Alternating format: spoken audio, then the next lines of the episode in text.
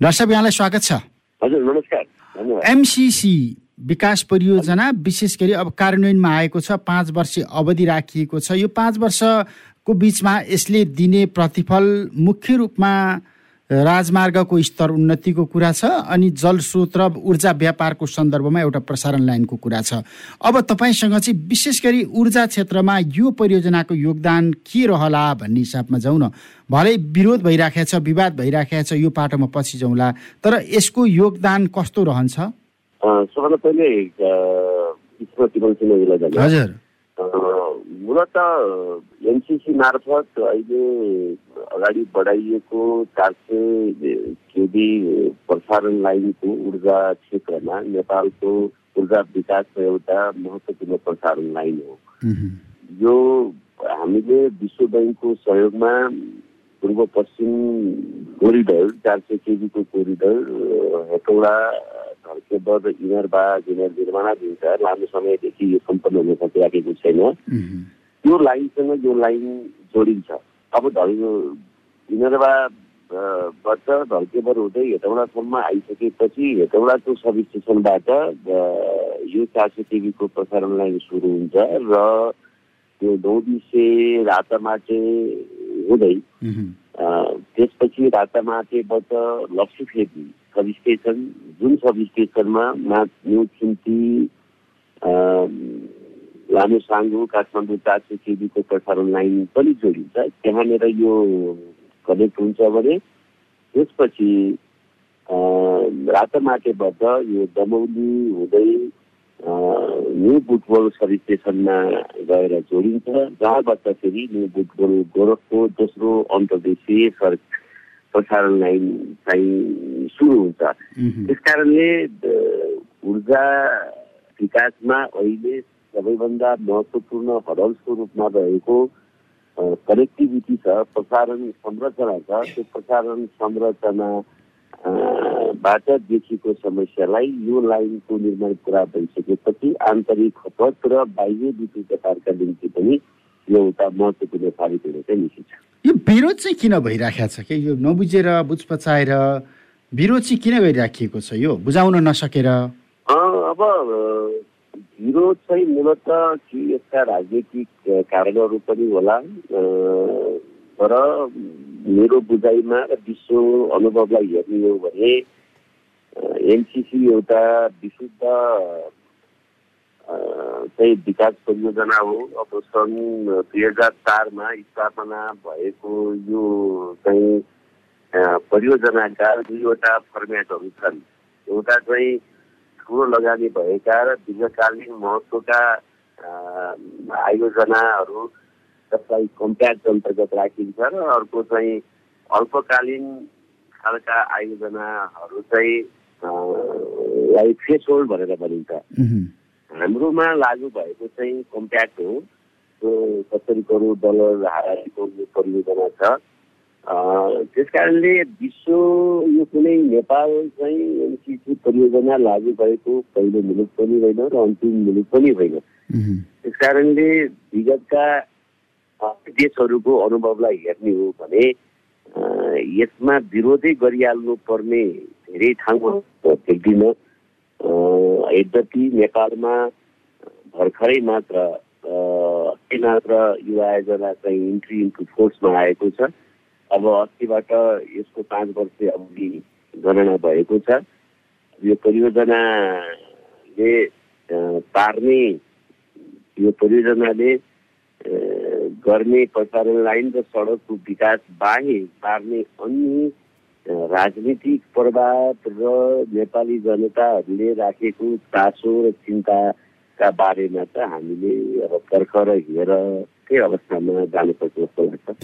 अर्को चाहिँ हामीले जस्तो यो एमसिसी कम्प्याक्ट अन्तर्गत हाम्रो अहिलेको यो लगानीको प्राथमिकता अलिकति फरक भइदिएको भए यो विवाद हुने थिएन कि यहाँलाई के लाग्छ जस्तो विश्व अनुभव हेर्दाखेरि विशेष गरी सडक प्रसारण लाइन शैक्षिक संस्था जलस्रोत ऊर्जा आयोजनाहरूमा बढी लगानी केन्द्रित भनेर गएको देखिन्छ। हामीले यो जलस्रोत ऊर्जाको हिसाबमा विशेष गरी आयोजनामा चाहिँ यो लगानी भित्रिएको भए के हुन्थ्यो होला? होइन अहिले हामीलाई अब उत्पादन तर्फका आयोजना अहिले हाम्रो प्राथमिकतामा होइन यद्यपि स्टोरेज खालको आयोजनाहरू चाहिँ हामीलाई बढी आवश्यक छ तर त्योभन्दा पनि अहिले यो ऊर्जाको क्षेत्रमा नेपालमा बिजुली खेर गइरहेको अवस्थामा यसको चाहिँ उचित व्यवस्थापनको लागि उचित व्यवस्थापन भन्नाले यहाँ आन्तरिक खपत पनि वृद्धि गर्नुपर्ने र त्यसबाट बाँकी रहेको बिजुली चाहिँ क्रस बोर्डर प्रसारण लाइन मार्फत व्यापारका निम्ति दक्षिण एसिया भनौँ अहिलेका लागि त भारत र बङ्गलादेश अप्सन हामीसँग छ।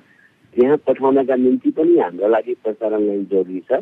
किनभने अहिले हामीसँग बाइसवटा नेपाल भारतका बिचमा इन्टर कनेक्सन भए पनि जम्मा एउटा क्रस बोर्डर प्रसारण लाइन धकेबर मुजफ्फरपुरको चार सय केबी प्रसारण लाइनबाट मात्रै विद्युत व्यापार भइराखेको अवस्था र त्यो प्रसारण लाइन चाहिँ घडीमा आठ सय मेगावाट मात्रै प्रसारण गर्न सक्ने गरी त्यसलाई सिमिङ गरिएको अवस्थामा अर्को प्रसारण सीमापार प्रसारण लाइनको कार्यान्वयन सुरु भएको छ त्यो चाहिँ बुटबल गोरखपुर प्रसारण लाइन हो र त्यो लाइनबाट विद्युत व्यापार गर्न र आन्तरिक खपत पनि गर्ने यहाँ हामी एउटा कुरा के चाहिँ बिर्सनु हुँदैन भने यो प्रसारण लाइन चाहिँ नेटवर्क चाहिँ यसले विस्तार गर्ने हुँदाखेरि आन्तरिक खपतका लागि जस्तै यो लक्ष्मी फेदी सब स्टेसन पनि जोडिन्छ यसले चाहिँ यो बुटबलको सर्भिसेसम्म जोड्ने र हेटौँडामा पनि जोड्ने भएको हुँदा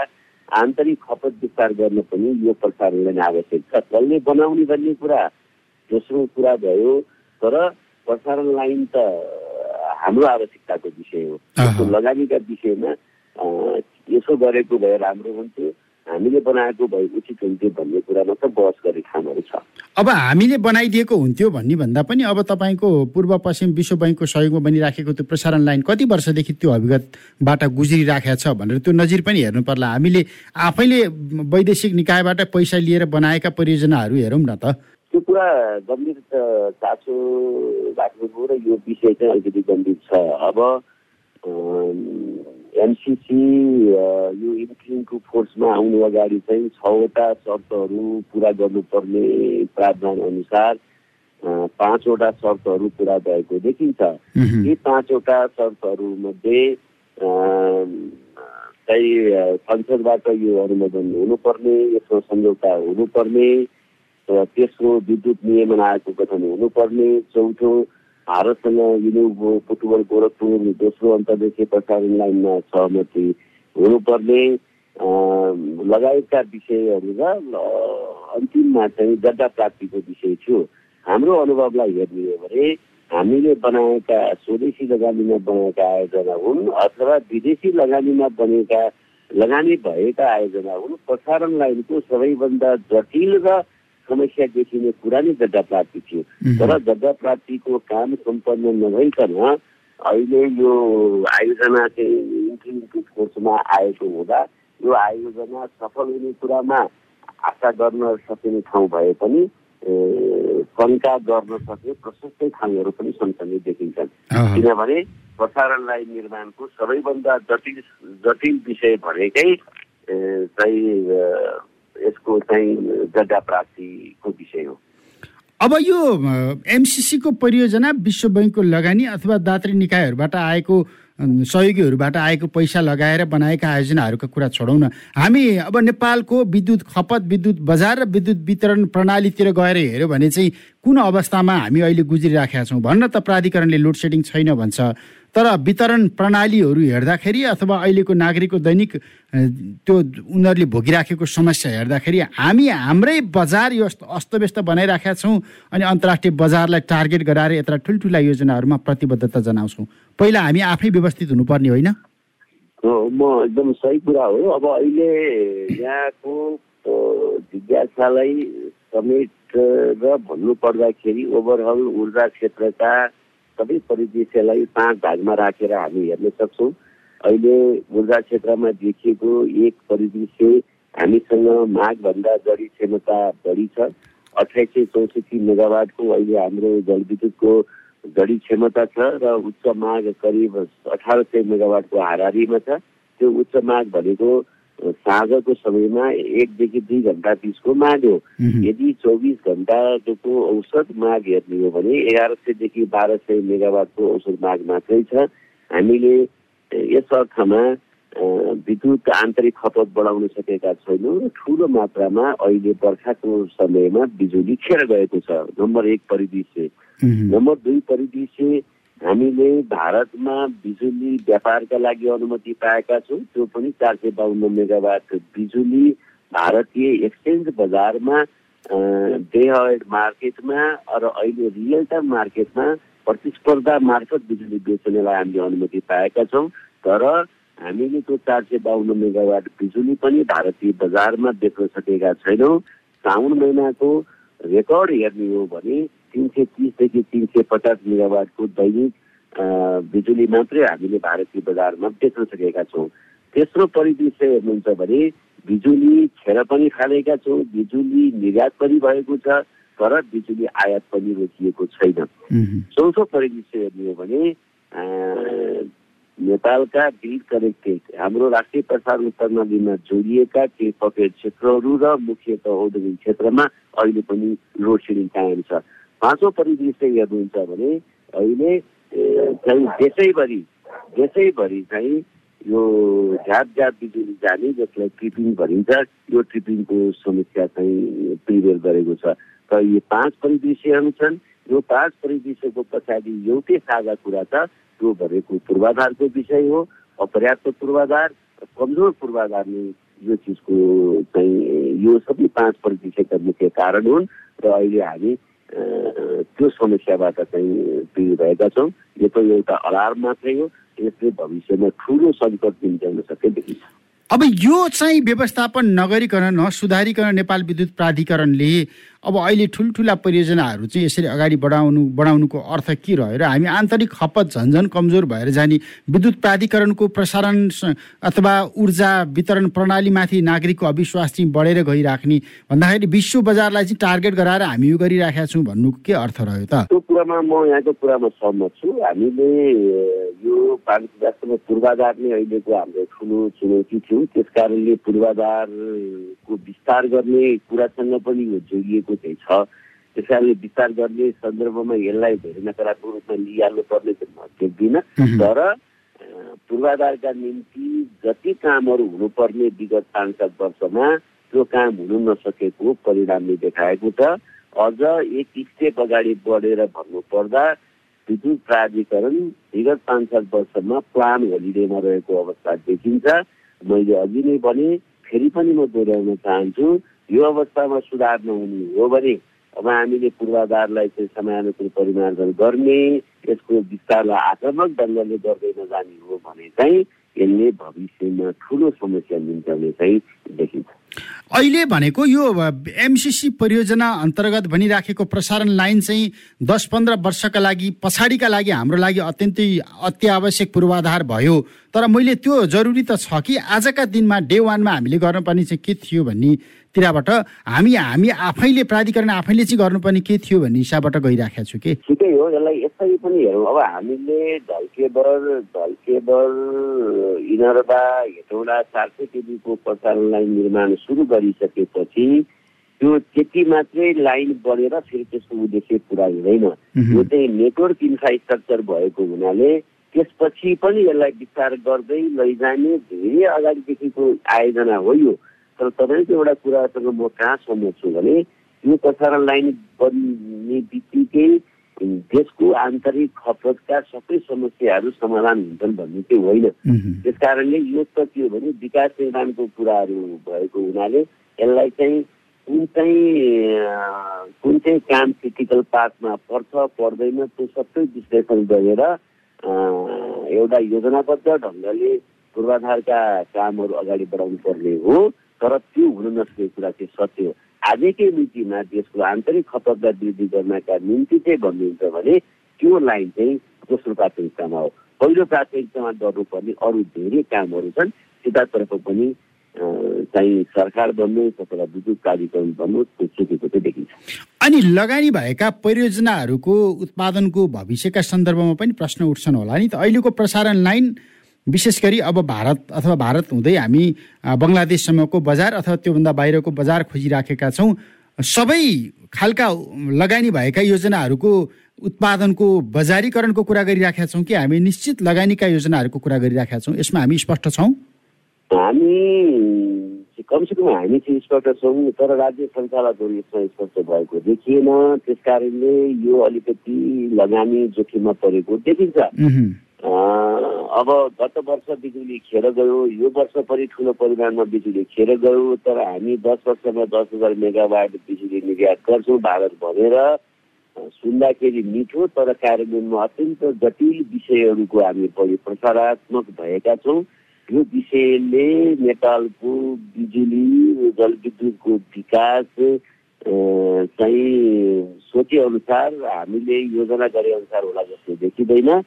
त्यस कारणले अब आन्तरिक खपत नै वृद्धि गर्नुपर्ने पहिलो प्राथमिकता हो त्यसमा पनि हामी चुकेका छौँ र ठुलो मात्रामा दुई वर्ष तिन वर्षदेखि बिजुली खेर भइरहँदा खालि दस वर्षमा दस हजार मेगावाट बिजुली निर्यातको रटान लगाउनु कुनै अर्थ छैन।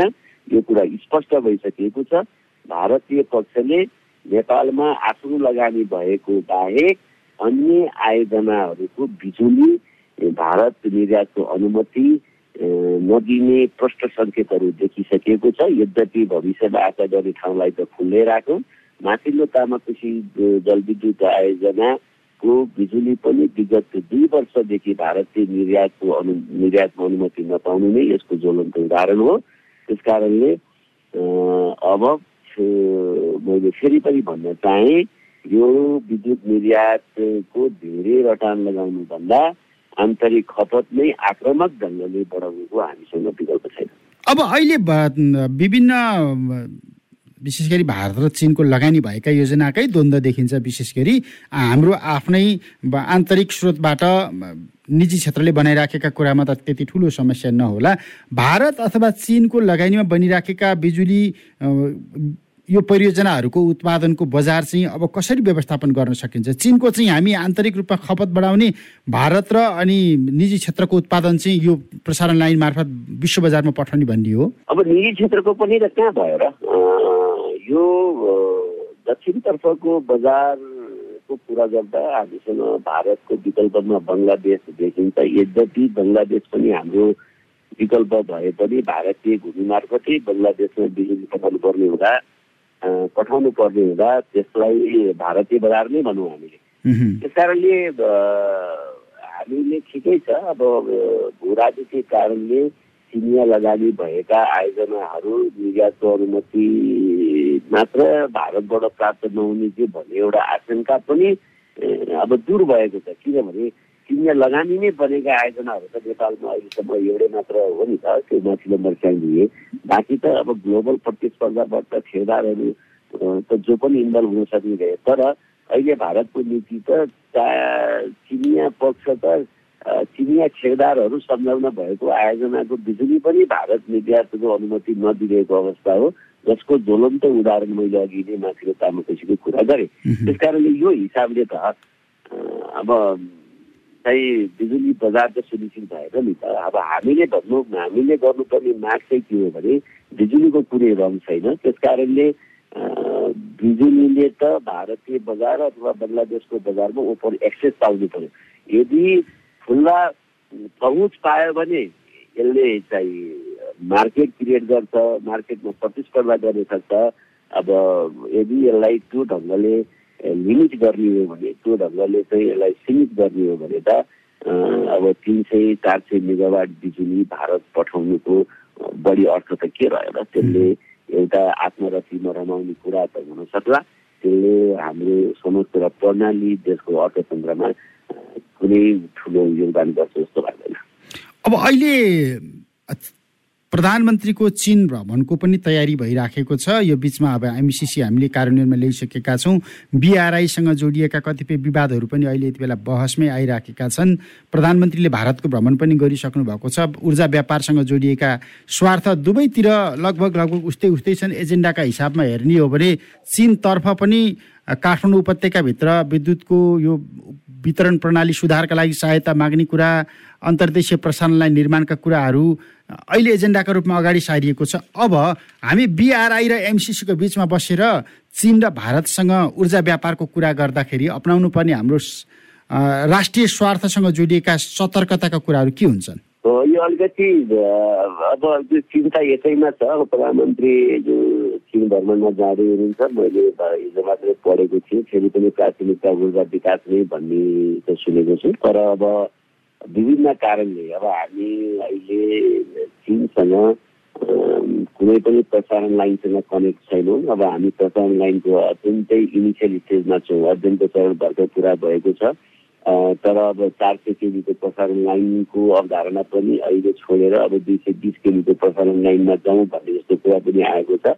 त्यस कारणले चिनसँगको विद्युत व्यापारको कुरा सुन्दा राम्रो लागे पनि यो कुरालाई हामीले कार्यान्वयन नै लैजानका निम्ति अझै आठ दस वर्षको समय कुर्न पर्छ। किनभने हामी प्रसारण लाइनको अत्यन्तै इनिसियल स्टेजमा छौँ। यो निर्माणमा पनि गएको छैन। त्यस कारणले त्यतिखेरसम्म त हाम्रो ठुलो मात्रामा यहाँ बिजुली उत्पादन भएर खेर जान सक्ने देखिन्छ। त्यस कारण अब भविष्यमा दस वर्षपछिको कुरा राख्नु होला। यहाँले अलिकति राजनीतिक विषय बिआरआई र एमसिसी कुरा जोड्नुभयो। मलाई अलिकति लागेको चिन्ता के हो भने एमसिसी मार्फत बन्ने रातामाटे सब स्टेसनबाटै केरिङसम्म को अर्को चार सय केजीको प्रसारण लाइन विस्तार गर्ने भन्ने प्रस्तावित योजना छ भन्ने मैले सुनेको छु। कि त्यो हो भने त्यसले अलिकति द्वन्द्व बढाउन सक्ने चाहिँ म देख्छु त्यसमा एनसिसीको केही रिजर्भेसन हुन सक्ने म देख्छु यद्यपि जसले बनाए पनि त्यो संरचना हाम्रो हो र त्यो हामीले निर्वाध प्रयोग गर्न पाउनुपर्छ भन्ने कुरामा हामी क्लियर हुनुपर्छ। तर हाम्रो आफ्नो राजनीतिक नेतृत्वको क्षमताबाट कति चाहिँ त्यो चिजमा हामीले हाम्रो पोजिसन क्लियर राख्न सक्छौँ नेतृत्व कति बलियो छ भन्ने कुराले निर्धारण गर्छ। त्यस कारणले यसलाई राजनीतिक उपयोगको हतियार चाहिँ यो चिज बन्नु हुँदैन भन्ने कुरामा चाहिँ हामी सजग रहनैपर्छ र कमसेकम राज्यले त्यसतर्फ ध्यान चाहिँ दिनपर्छ। अन्त्यमा वितरण प्रणालीमा अहिले देखिराखेको समस्या सुधारका लागि एक दुई तिन गरेर प्राधिकरणले गर्नुपर्ने सुधार के देख्नुहुन्छ? अन्त्यमा। वितरण प्रणाली चाहिँ अत्यन्तै पुरानो भइसकेको हो भइसकेको छ। यो वितरण प्रणालीलाई सुधार गर्नका निम्ति त अब म्यासिभ लगानी चाहियो। त्यसको कारणलाई काम गर्नु पर्यो। काम भन्ने कुरा ओभरनाइट हुन सक्ने सम्भावना छैन। योजनाबद्ध ढङ्गले हामीले वितरण प्रणालीका चाहिँ अब सविशेषणहरू थप्दै जाने त्यसपछि तारहरू सबै जीर्ण भइसकेका छन्। त्यसै अनुसारको चाहिँ लाइनहरू विस्तार गर्दै अलिकति चाहिँ स्वागतहरू घटाउँदै यसलाई चाहिँ आक्रामक ढङ्गले रिलायबल सप्लाईका निम्ति हामीले त्यो खालको पूर्वाधार संरचनाहरू निर्माण गर्नुपर्ने हो। तर यो काममा त बिल्कुलै पनि प्रगति हुन सकिरहेको अवस्था छैन। त्यस कारण मैले फेरि पनि अनुरोध गरेँ केही वर्षौँ अगाडिदेखिको पुरानो संरचनामा हामी अहिले चलिराखेका छौँ दिन माग बढ्दैछ अब त्यो संरचनाले कति दिन धान्न सक्छ र त्यसकारण यो रातारात गफे गरेर यो चिजहरू इन्प्रेस हुने त होइन तर जुन ढङ्गले अहिले सरकार जुन ढङ्गले प्राधिकरण यसमा अगाडि बढेको छ यसबाट यो चाहिँ वितरण पूर्वाधारहरूमा धेरै सुधार हुन सक्ने आशा चाहिँ मैले चाहिँ देखेको छैन। तर रातारात प्राधिकरण यो अवस्थामा पनि नाफामा चाहिँ कसरी गयो त फेरि? के यो कागजी नाफा हो? यसमा दुईवटा हिसाबले हेरौँ विद्युत मूलत विद्युत प्राधिकरण बिजुली बेचेर नाफामा जाने हो बिजुली बेच्दाखेरि बेचेको बिजुलीमा खरिद मूल्य विद्युत विद्युत प्राधिकरणले निजी क्षेत्रसँग बिजुली खरिद गर्छ र आफ्नो उत्पादन पनि छ। आफ्नो उत्पादनको लागत त अहिले चाहिँ प्रति युनिट अडसठी पैसा मात्रै पर्छ भने विद्युत प्राधिकरणले अहिले बिजुली बेचेर एक युनिटमा चार रुपियाँ अडतिस पैसा नाफा गर्छ। त्यस कारणले जति उत्पादन बढ्दै गयो बिजुली त्यति नै बढी बिक्री हुँदै जान्छ। यो वर्ष एक खरबको बढी बिजुली भन्दा बढी बिजुली बेचेको छ। भनेपछि त त्यसबाट नाफा वृद्धि हुने भइहाल्यो। यो त अब हामी बहत्तर त्रिहत्तरमा पुरा गर्नुहुन्छ भने प्रति युनिट बिजुलीमा बिजुली बेचेर प्राधिकरणलाई नाफा होइन घाटा थियो।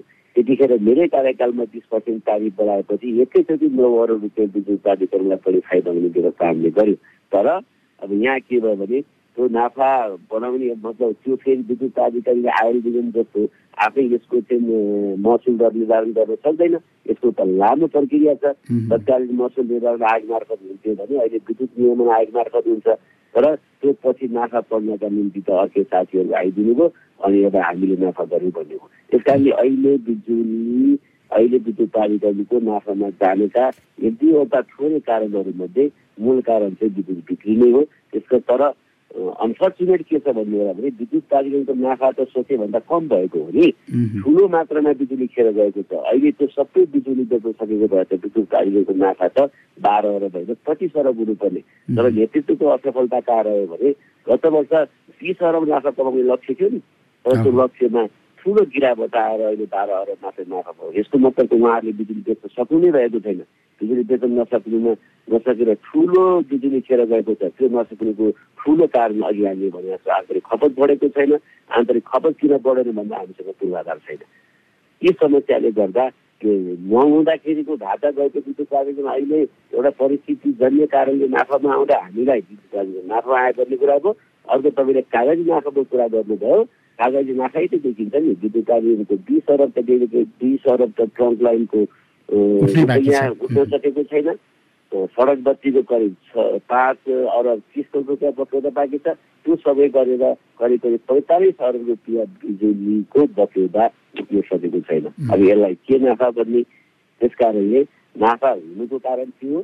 फेरि पनि मैले भने यो सप्रेस नाफामा विद्युत प्राधिकरण छ तर कागजी नाफा देखाएर बसेको देखिन्छ। हुन्छ समय र संवादको लागि धन्यवाद। हस् धन्यवाद।